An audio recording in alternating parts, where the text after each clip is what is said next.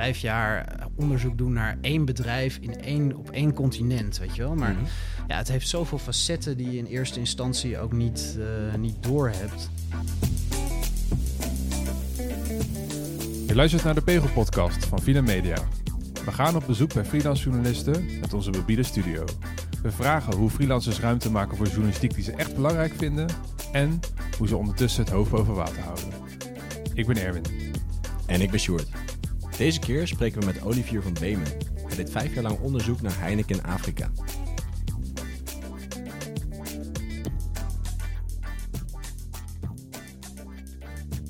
Olivier, kun je vertellen waar we nu zitten? Ja, we zijn in het oostelijk havengebied in Amsterdam. Waar eh, vroeger de schepen vertrokken naar eh, verre oorden zoals New York en, eh, en Jakarta. En, hier, hier woon ik. Kijk, en we zitten hier in jouw, eh, in je woonkamer, aan jouw eettafel. En we zitten hier tussen de, de boekenkasten met allerlei mooie verhalen. Ja, En ik zag dat we naast het gebouw van eh, SBS en Talpa zitten en ook dergelijke. dat.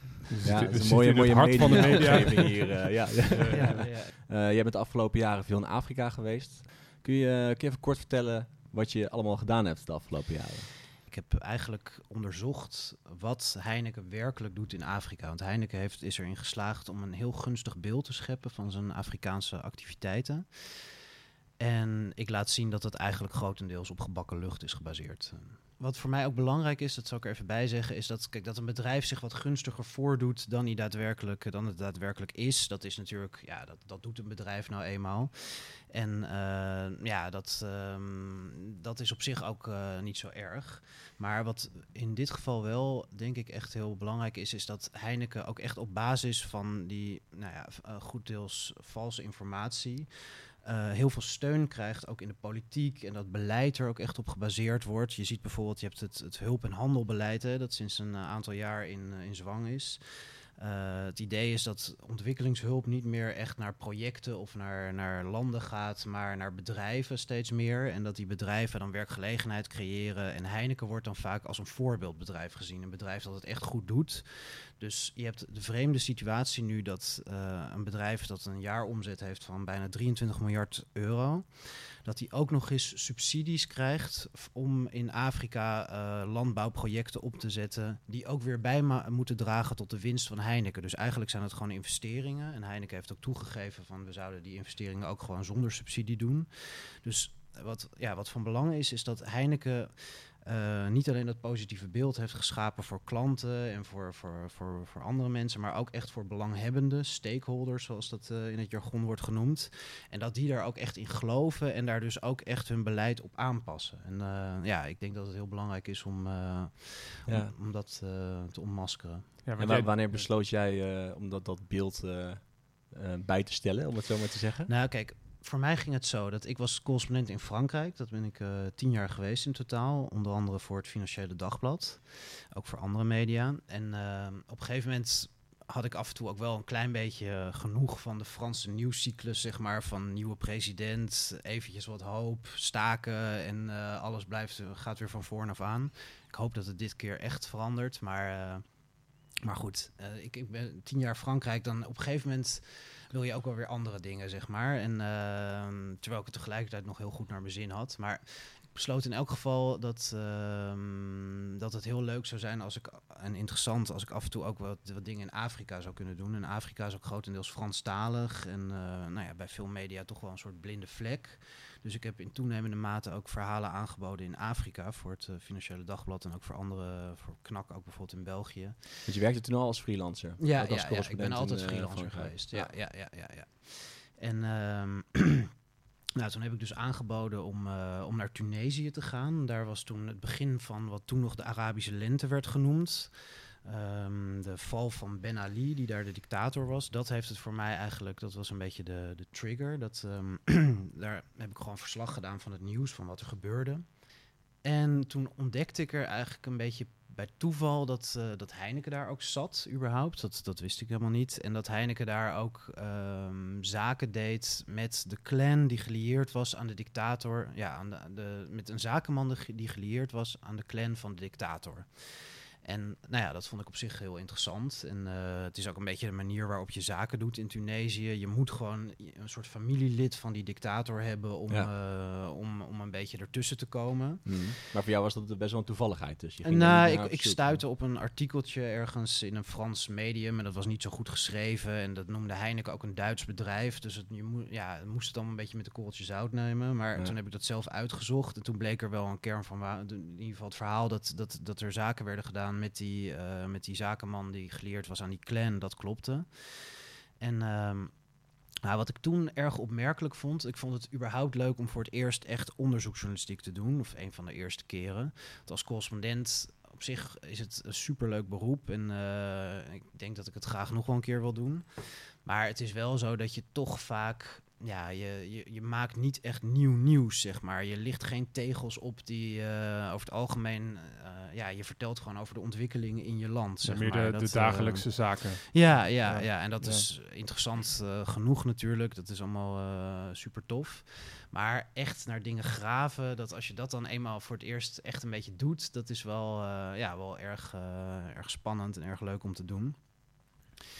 Dus toen had ik eigenlijk, eh, nou ja, ik was toen, eh, dat was in 2011. En een jaar later kwam ik, eh, kwam ik terug naar Nederland.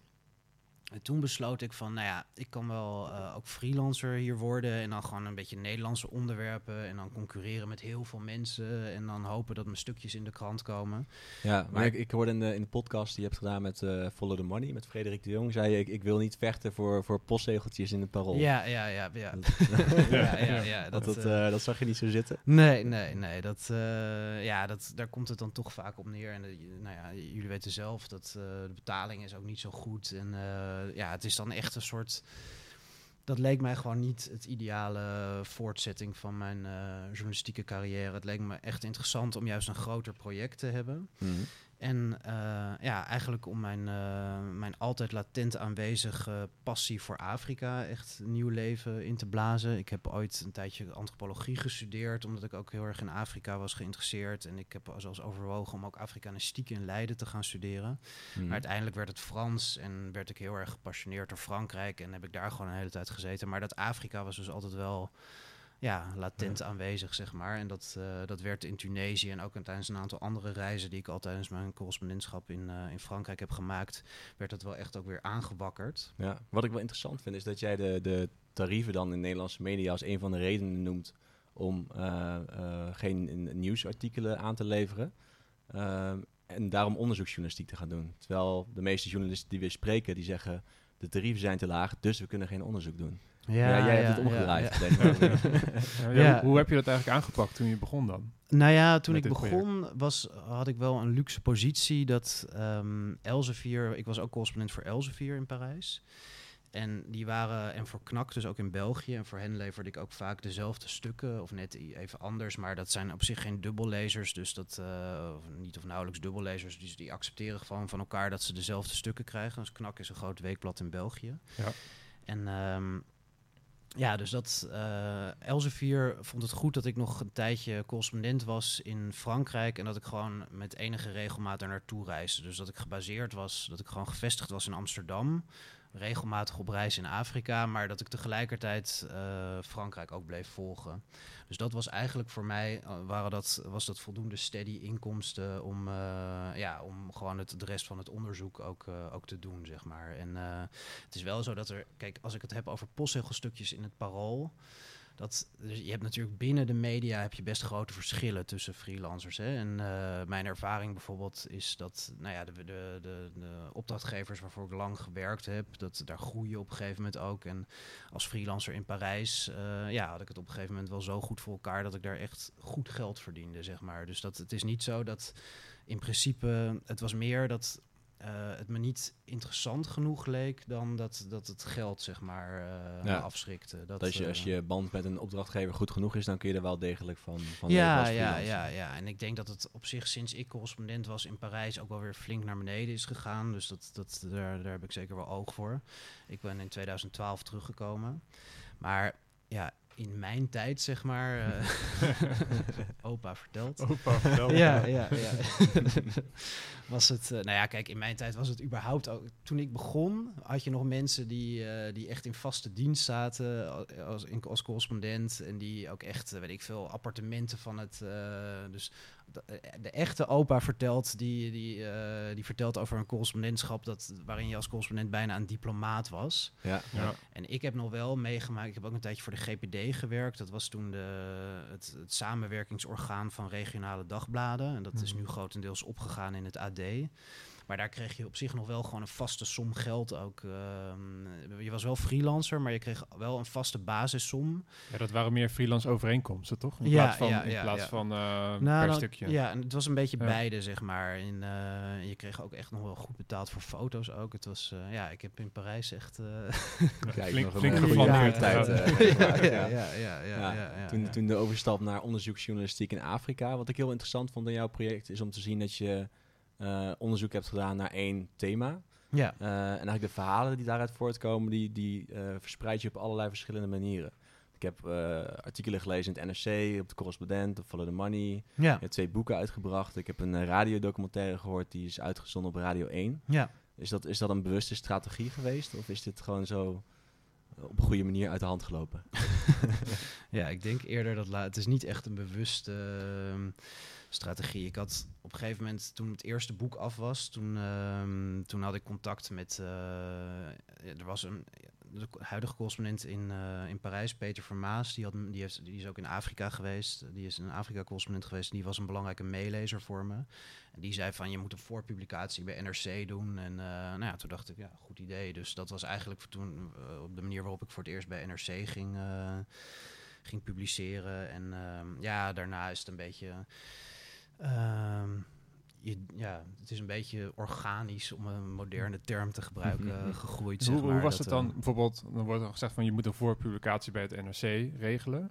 Eh, bel je dan gewoon even op van, hey joh, eh, Nou ja, kijk, Ik in dit geval was, was de correspondent, die, eh, die had me dat aangeraden. Dus die had, kon mij gewoon vertellen, eh, hier moet je... En die, die had natuurlijk tegen zijn Ja, chef economie ook Ja. al gezegd van... Dit is, eh, ja, dit is een goed werk, zorg dat wij dit hebben als eerste. Dus er was voor NRC ook belang bij. En ja, dus dat, dat ging op zich allemaal, allemaal vrij, vrij soepel. En ja... ja, interessant. Hm. Want, want daarvoor, want ehm, eh, voordat we doorgaan naar nadat het boek af was, want je was ook bezig met je eerste boek natuurlijk. Hoe heb je dat onderzoek dan ervaren terwijl je daar Mm. bezig was? Het lijkt me ook wel best wel een moeilijker, onzekere periode. Van ik ga voor het eerst onderzoeksjournalistiek doen. Ja, Hoe kom ja, ik met ja, een sluitend ja. verhaal? Ja, ja. Nee, dat is zeker zo. Dat, ehm, er zijn echt momenten dat, dat je, ja, omdat je het ook zonder redactie doet. En eh, kijk, ik heb wel een redacteur bij de uitgever, maar ik heb niet echt een klankbord als, als redactie en zo. En soms, ja, soms heb je wel woelende nachten dat je denkt van, eh, ja, zit ik niet... eh, Totaal eh, mis ik niet iets of is het allemaal steekhoudend wat ik opschrijf? De Fransen zeggen à côté de la plaque, dus dat je er helemaal naast zit, zeg maar. Dat, ja, dat, dat heb ik wel eens gedacht. Van, dat, dat soort momenten zijn er zeker. Dat, ja. Blijft dat? Mm, dat wordt wel steeds minder, want eigenlijk is dat nu wel weg. Want kijk, in het begin was het Heineken maakte het me wel extra moeilijk door ook totaal zelf niet mee te werken. En dat was natuurlijk ook een bewuste strategie. En zij, hun strategie aanvankelijk was van ehm, als we het maar zoveel mogelijk eh, verzwijgen, dan gaat het vanzelf wel over. Dat was een beetje wat ze hoopten. En als je als bedrijf ergens aan meedoet, dan geef je toch alweer een soort geloofwaardigheid die er anders niet is. En eh, dat, dat merkte ik, ik vind dat zelf vrij onterecht, maar dat merkte ik wel een beetje in de ontvangst van het eerste boek. Dat, eh, het was allemaal heel goed uitgezocht en Heineken heeft ook de kans gekregen om het, eh, ze hebben het van tevoren opgestuurd gekregen en ik heb, ze, ik heb gewoon interviewaanvraag gedaan. En, ehm, maar je hebt dan toch dat, dat sommige critici denken van, ja, dit schrijf jij allemaal, maar wat vindt Heineken eigenlijk? En dat ze daarom toch zoiets hebben van, klopt het allemaal wel? Maar in het tweede boek ehm, is Heineken overstag gegaan. En ze hebben op een gegeven moment gedacht van, het is toch slimmer om, eh, om met hem in gesprek te gaan. En eh, ja, ze hebben opnieuw het hele manuscript toegestuurd gekregen. En ze hebben ja, wat kleine dingen hebben ze gezegd van dit zien wij anders. Meestal is het, eh, is, is het dat soort formuleringen, zeg Ja, maar. niet van hier staat een feitelijke Nee, onjuistheid. nee, nee, Ja. nee, nee. Dus dat, ja, dan, dan weet je al gewoon. Dat, dat is toch een soort bevestiging ook van wat ik zeg, klopt gewoon allemaal, weet je wel. Op een gegeven moment zijn het gewoon zulke kleine dingetjes. Ik had een grote corruptiezaak in Nigeria. En dan, eh, ja, dan hebben ze echt, ze schrijven wel best wel veel commentaar, weet je wel. Maar het is gewoon allemaal heel van, ja, we hebben procedures om corruptie op te sporen en zo. Ze zeggen, zeg maar, allemaal statements. Ja, ja. Maar eigenlijk de facto staat er Ja. bijna niks in, weet je wel. En het enige, een van de weinige dingen die ze echt hard zeiden van, eh, nou ja, de, de, de vrouw die dan ook corrupt was, die had dan ook een transportbedrijfje in Rwanda en die zou dan ook op, op slinkse wijze, zeg maar, con- eh, contracten met de, met de lokale Heineken brouwerij daar hebben gehad. En dat klopte dan volgens hun niet of zo, weet je wel. Nou ja, dat heb ik er gewoon netjes ingezet. En, eh, Ja, klinkt, klinkt als een soort rookgordijn eigenlijk. Een rookgordijn van woorden. Ja, ja, ja. Nou ja, kijk, je hebt natuurlijk bij hun eh, ja, juristen die daar overheen gaan en die.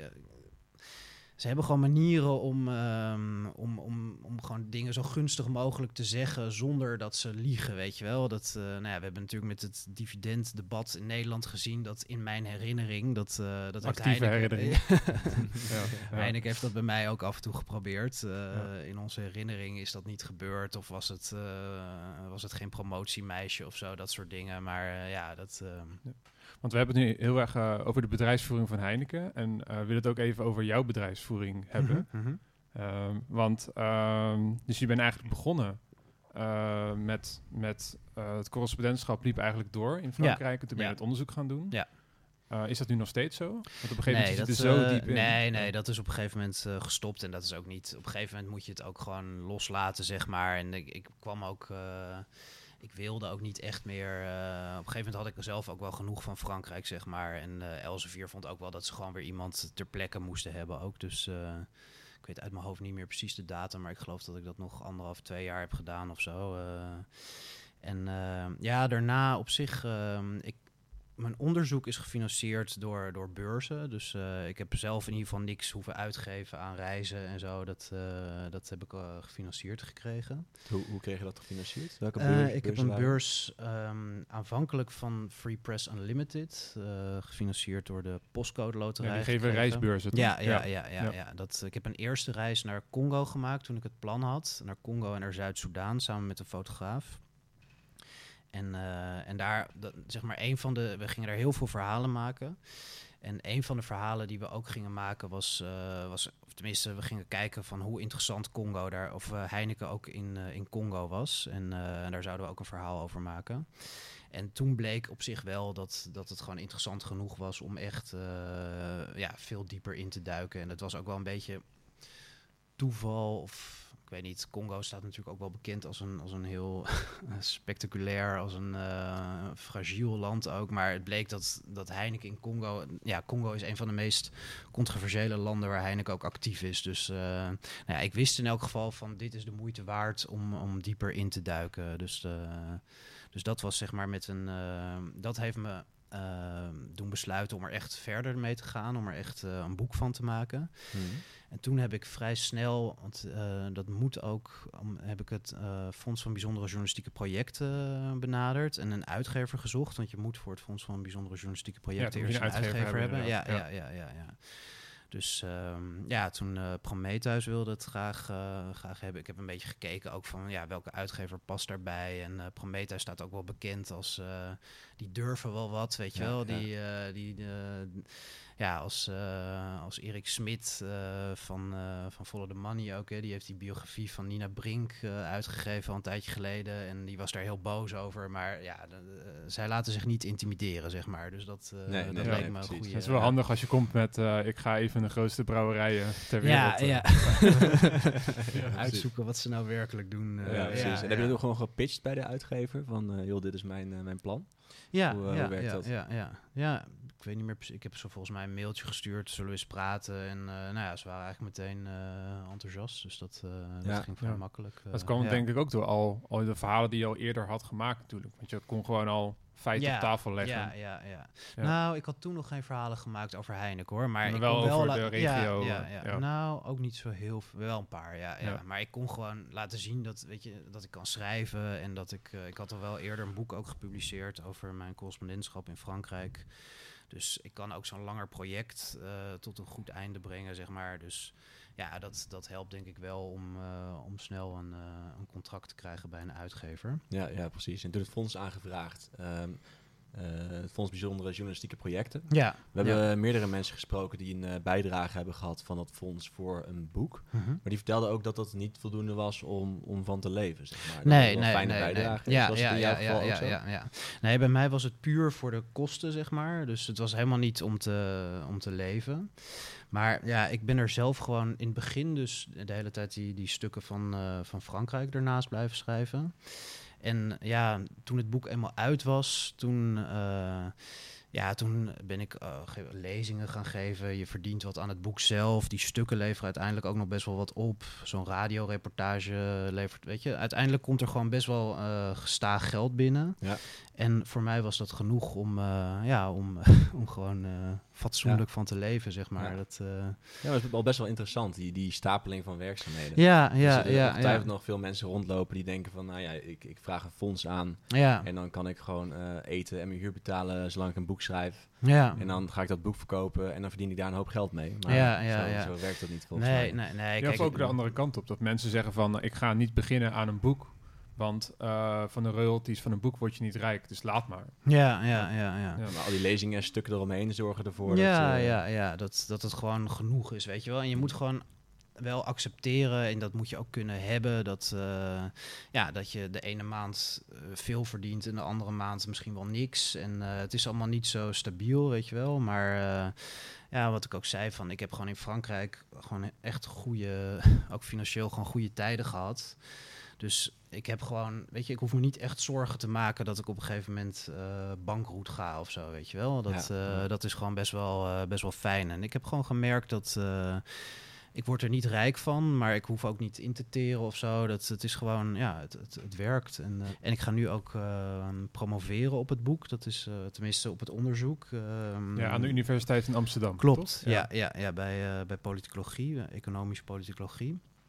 En daar heb ik dan ook een beurs voor gekregen. Dus dat is ook weer eventjes wat, eh, ja, dan, eh, kijk, iedereen die promoveert in Nederland, voor elke promotie krijgt de universiteit eh, een bedrag bijgeschreven. En ik had zoiets van, ik, ik werd gestimuleerd door best wel wat profs van, of aangemoedigd van, ja, je hebt al zoveel onderzoek gedaan, dat is relatief makkelijk, als je er een theoretisch kader omheen zet, is dat relatief makkelijker om te zetten in een, in een proefschrift.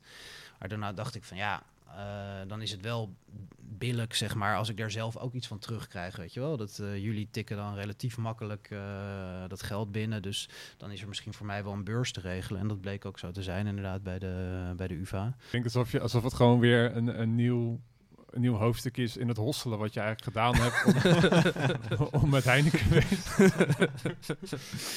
Ja, hosselen, ja, ja. Dat, eh, nee, maar kijk, de- in dit geval is het wel echt van... eh, ja, het, het is gewoon billig, weet je wel. Het is misschien eh, uitzonderlijk. Dat er komen niet vaak mensen met een, met een onderzoek dat... eh, ja, het empirisch onderzoek is gewoon zo goed als gedaan. Dus jij hebt wat te bieden en... eh, ja, en zij, zij, zij hebben ook wat te bieden. En nou ja, daar kom je dan samen uit. Ja, ja, precies. ja, ja, Ja. ja, ja. Ja. En waarom wil je die, eh, die onderzoekskant op bij de, bij de universiteit? Waarom denk je niet van, nou, ik ga nog een keer naar een, eh, een eh, Afrikaans land om een nieuw boek te nou, schrijven? Het een sluit of, het ander niet uit, hè. Maar mhm. ehm, op zich, wat ik dacht is... Ik, ik had zelf nooit gedacht van eh, aanvankelijk dat het ook iets universitairs, iets academisch zou zijn.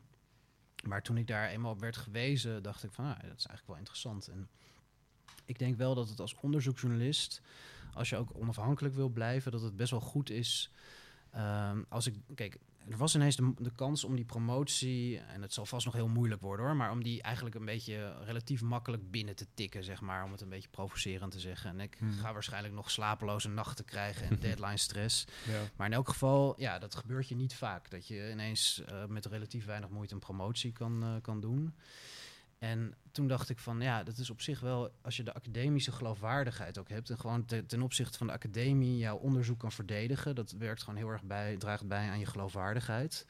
En tegelijkertijd blijf ik gewoon onderzoeksjournalist en heb ik ook bredere podia, zeg maar. Dus mij lijkt die combinatie van aan de ene kant ja, toch een soort van geloofwaardigheid van de academie en, eh, en het brede podium van de journalistiek. Dat lijkt me gewoon een hele goede combinatie. En ik heb ook gemerkt dat. ehm, nou ja, ik heb bijvoorbeeld best wel wat gastlezingen ook gegeven aan universiteiten en zo. En ik vind dat ook heel leuk om te doen. En eh, ja, als je, als, je, als je ook een academische graad, of tenminste als je echt eh, gepromoveerd bent, dan wordt dat ook weer allemaal makkelijker. En eh, wie weet wil ik ooit nog eens meer die richting op, weet je wel. Het is gewoon fijn om dat, dat open te houden. En ik denk dat, dat onderzoeksjournalistiek en academisch onderzoek vaak ook wel meer...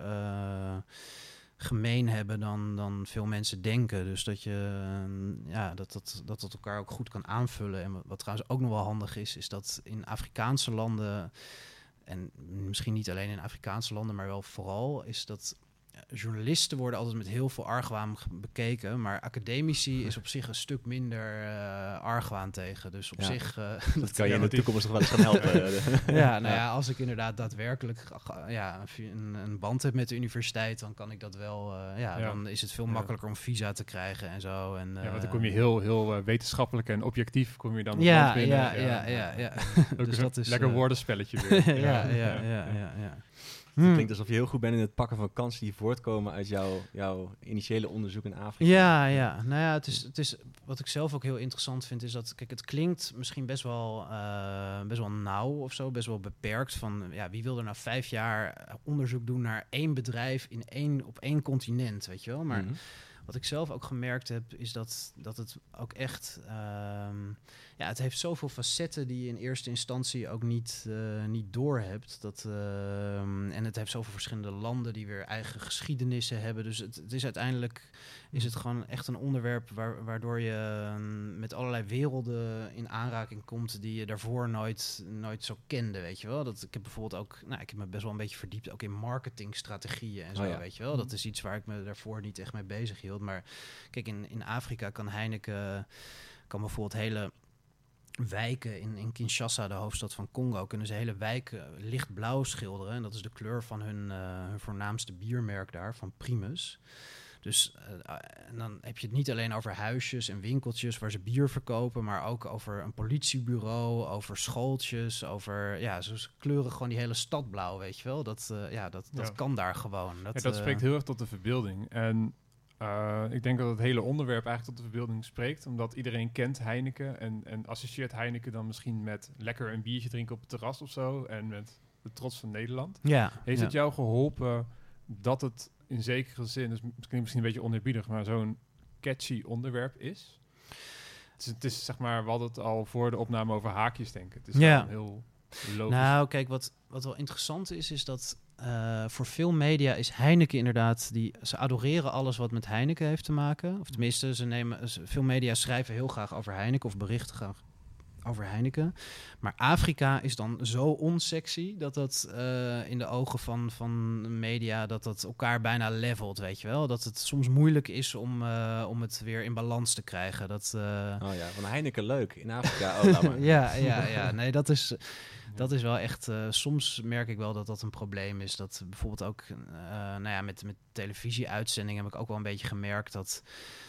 Ja, dan krijg je ook te horen van eh, dat, dat de kijkcijfers gaan gewoon zo naar beneden als iets over Afrika gaat. En dan is Heineken blijkbaar niet reddend. eh, dan, eh, ja, Ja. dus dan, dan nodigen ze je toch niet uit. Of dan gaan ze toch geen reportage maken of zo, zoiets. Ja, ja, precies. Maar je zit desondanks nog een wel- beetje in een, in een mediastorm. Ik weet niet of dat het goede woord is. Maar je, je hebt heel veel stukken geschreven. Er is veel over gepraat. ja, net voor de opname zei je van... Sorry, ik moet nog even wat mailtjes beantwoorden. ja. Want er is, er is iets gebeurd eh, waar, waar mijn onderwerp op, op aanhaakt. Ja, ja, ja. Dus ja. er gebeurt wel wat. Ja, nee, er gebeurt heel veel hoor. Dat, eh, je hoort mij ook zeker niet klagen. Maar ehm, ja, nee, dat ehm, vooral de. Ik heb ook onthuld over dat er in, in Afrika veel promotiemeisjes werken. En die hebben te maken met, eh, met slechte werkomstandigheden. Die moeten eigenlijk met hun leidinggevende naar bed als, ze als ze een baan willen of een baan willen houden.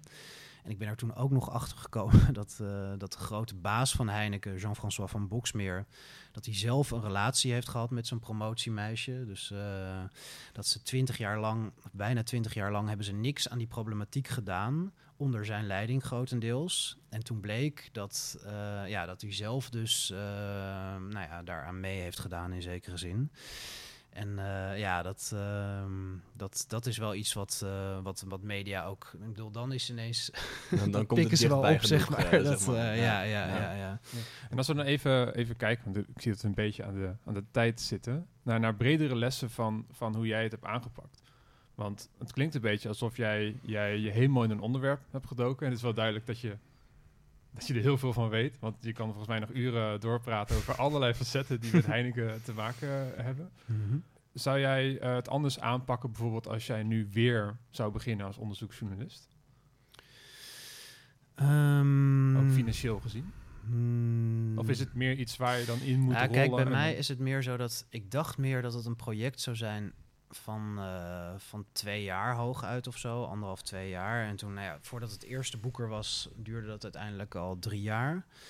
En toen dacht ik wel van dat ik zelf wel iets nieuws wilde gaan doen. Um, en dat ik, ja, ik had niet, ik had zeker nooit het idee van ik ga vijf jaar achter, achter Heineken aan zitten in Afrika. Maar ja, je rolt er dan inderdaad in. En toen kwam er ineens, ja, toen bleek dat er belangstelling was voor vertalingen in het, in het Engels en in het Frans, die er nu ook gaan komen. En ik, ja, ik kon zelf weer stukken schrijven. Ik kreeg tips van nieuwe, nieuwe dingen. En zo bleef het zeg maar rollen. Ja. En ik schreef af en toe ook nog wel wat andere dingen, maar op zich niet vaak. En uh, ja, en ik, uh, ik geef dus wel eens ook lezingen over andere onderwerpen. Maar in principe bleef dat Heineken gewoon, ja, dat bleef ook uh, in staat om, om gewoon ja, voldoende op te leveren om, uh, om ermee door te gaan. Dus ja, ik, ik heb een beetje de luxe positie dat ik me niet echt zorgen heb gemaakt over, uh, over inkomsten. Dat het gewoon altijd wel, wel weer binnenkwam. En, ja. ja, ja, Ja, precies. Ja. En als er nu een jonge, jonge journalist naar je toe komt, die zegt: eh, Ik ben freelancer en ik wil een soortgelijk project eh, oppakken. Wat, Ja. wat is jouw, eh, jouw belangrijkste tip? Ik denk dat het wel heel erg in mijn voordeel werkt dat ik heel uh, volhardend ben, zeg maar. Dat ik, uh, ja, dat ik heel fanatiek ben eigenlijk in zekere zin. En dat, daar baalt Heineken ook wel een beetje van. En zij denken ook echt dat ik erop uit ben om, uh, om hun bedrijf te vernietigen of zo. Maar ja, dat, dat is gewoon pure onzin. Ik, ja, ik wil gewoon weten wat er echt gebeurt, weet je wel. En uh, dat Van Boksmeer heeft ook een keer tegen me gezegd dat ik er geen kruistocht van moet maken. En ja, in zekere zin heeft dat me juist wel gemotiveerd om Olie op dieper te graven, weet je wel. Dat, uh, ja, ja. Dus ik Hoezo denk dat vooral... Ja, ja. Ja, in eerste instantie moet je wel echt die... Dat, dat moet denk ik ook een beetje in je karakter zitten. Dat een beetje het... Uh, ja, echt het volhardende, zeg maar. En ja, uh, voor de rest... Um, ja, vraag beurzen aan. Uh, praat erover met, met redacties, met, uh, met, met een uitgever.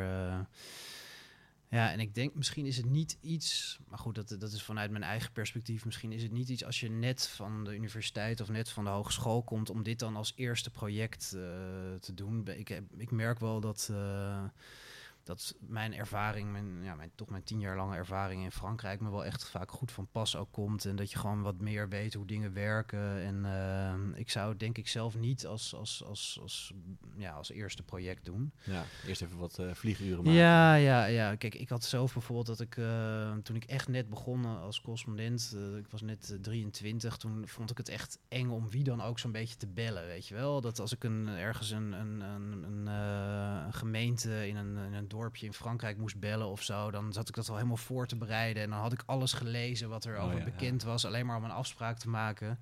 Dus dat soort dingen, dat, ja, dat, uh, dat overkom je gewoon door gewoon wat langer, wat meer ervaring te hebben. En ik denk dat dat wel, je moet wel echt, denk ik, stevig in je schoenen staan. En uh, kijk, zeker met zo'n bedrijf als Heineken ook, dat, dat schrijft dan wel voordat ik bijvoorbeeld een, een groot stuk in Follow the Money publiceerde, die uh, over corruptie in Nigeria. En dan schrijven ze wel van. Um, ja, we, we, vragen jullie met klem, dat had ik samen met een andere journalist gedaan. We vragen jullie met klem om dit artikel niet te publiceren, weet je wel. En ja, dat is toch dan als een, als een bedrijf, dus met omzet van 23 miljard, dat tegen je zegt, dan denk je toch even van shit. Wat, eh, Ja, ja, ja. dan? Ja, ja, ja. Maar goed, Ja. ze hadden verder niks gezegd van, want anders, dan ze gaan ook niet echt dreigen of zo, Ja. weet je wel. Maar ze, probe ze proberen het gewoon, weet je Mm. wel. En ze hadden trouwens gezegd dat het, dat, dat, eh, het was te grievend voor de, voor de hoofdpersonen, zeg maar. Dus Oh, het ja. ging over een, Oh ja, een- een directeur in Nigeria en zijn vrouw die, die, die in allerlei corruptiezaken verwikkeld waren. En die, die topman ook van Heineken, die, eh, nou ja, als het echt tot een zaak was gekomen, dan eh, had hij volgens de politie had hij drie à zeven jaar een Nigeriaanse bak in kunnen draaien. En dan is het zeg maar te grievend voor Ja, wat- wat- Heineken wat- als ik daarover... eh, verwoord. Ja, Ja, ja, ja, ja, ja, Persoonlijke, Nee, maar dat, dat merk ik wel. Dat Ja. proberen ze steeds vaker. Dat, ehm, dat ze mij eigenlijk op mijn moralisme proberen. Ja, bijna een schuldgevoel aan. ja, ja, ja. Nou ja, ze proberen nu ook in, eh, in, als, eh, als er om, wederwoord, om wederhoor wordt gevraagd, eh, zie, hoor ik ook steeds vaker dat ze, dat ze zich een beetje in een slachtofferrol proberen te, te krijgen. Dat, eh, in de ogen van Van Beemen kunnen wij niks meer goed doen, zeg maar. Dus Oh ja, dat, ja. ik ben een beetje het kwade, het kwade brein. Die, dat, eh, die, het ja, sympathieke als een- Heineken Ja, als een dolle man achter Heineken aan zit. Ja. En dat arme Heineken kan niks meer goed doen in Afrika. Dat, Ja. dat is nu een beetje hun, eh, hun discours inderdaad. En eh, Ja. opmerkelijk. Want eh, je hebt nu een eh, onthulling. Tenminste, dit wordt pas gepubliceerd nadat die onthulling al eh, gedaan is. ja, En, en wat is dat? nou het gaat erom dat de ASN-bank, dus die alleen maar in principe in, in bedrijven investeert die, die voldoen aan ethische normen en aan, aan duurzame normen. Die, eh, die investeert ook in Heineken. En die hebben al twee keer naar aanleiding van mijn onderzoek een, eh, een onderzoek zelf ingesteld. eh, Of, ze, ja, of het nog wel verantwoord is om in Heineken te beleggen. En naar aanleiding van de onthullingen over die promotiemeisjes hebben ze nu toch echt besloten dat, dat het niet meer te verantwoorden is en dat ze Heineken uit hun fondsen stoten. Dus dat, ja, dat is toch wel iets. Kijk, het gaat om 18 miljoen euro, dus dat is niet iets waar Heineken wakker van ligt. Er springen zo weer nieuwe investeerders in. Maar het is wel zo dat als investeerders beginnen af te haken, dat, dat is toch iets wat een bedrijf eh, niet graag ziet. En ASN, omdat het natuurlijk ook gelieerd is aan, groen en, en goede dingen en zo, dat, eh, ja, dat, dat ziet Heineken niet graag. En eh, Heineken brengt het zelf natuurlijk ook niet naar buiten. Maar ik vind het ook opmerkelijk dat ASN Bank brengt het ook niet naar buiten. Die hebben het wel aan mij gezegd. eh, maar ze, ze brengen daar verder ook geen persberichten over of zo. Maar eh, ze willen het allemaal lekker stil houden. Maar eh, ja, Ja. dat, eh, Ja. Ik denk dat jij ervoor gaat zorgen dat dat niet, dat kijk. niet gaat lukken. ja, ja, Ja, ja. Dat lijkt, lijkt me mooier dan eh, hokken vullen bij, bij Nederlandse kranten. Als je dit allemaal zo hoort. Ja. ja. Ja, dat lijkt me een mooie afsluiter voor deze podcast. Zeker. Ja, heel Olivier, bedankt. eh, bedankt dat we langs mochten komen. Ja, jullie ook bedankt. eh.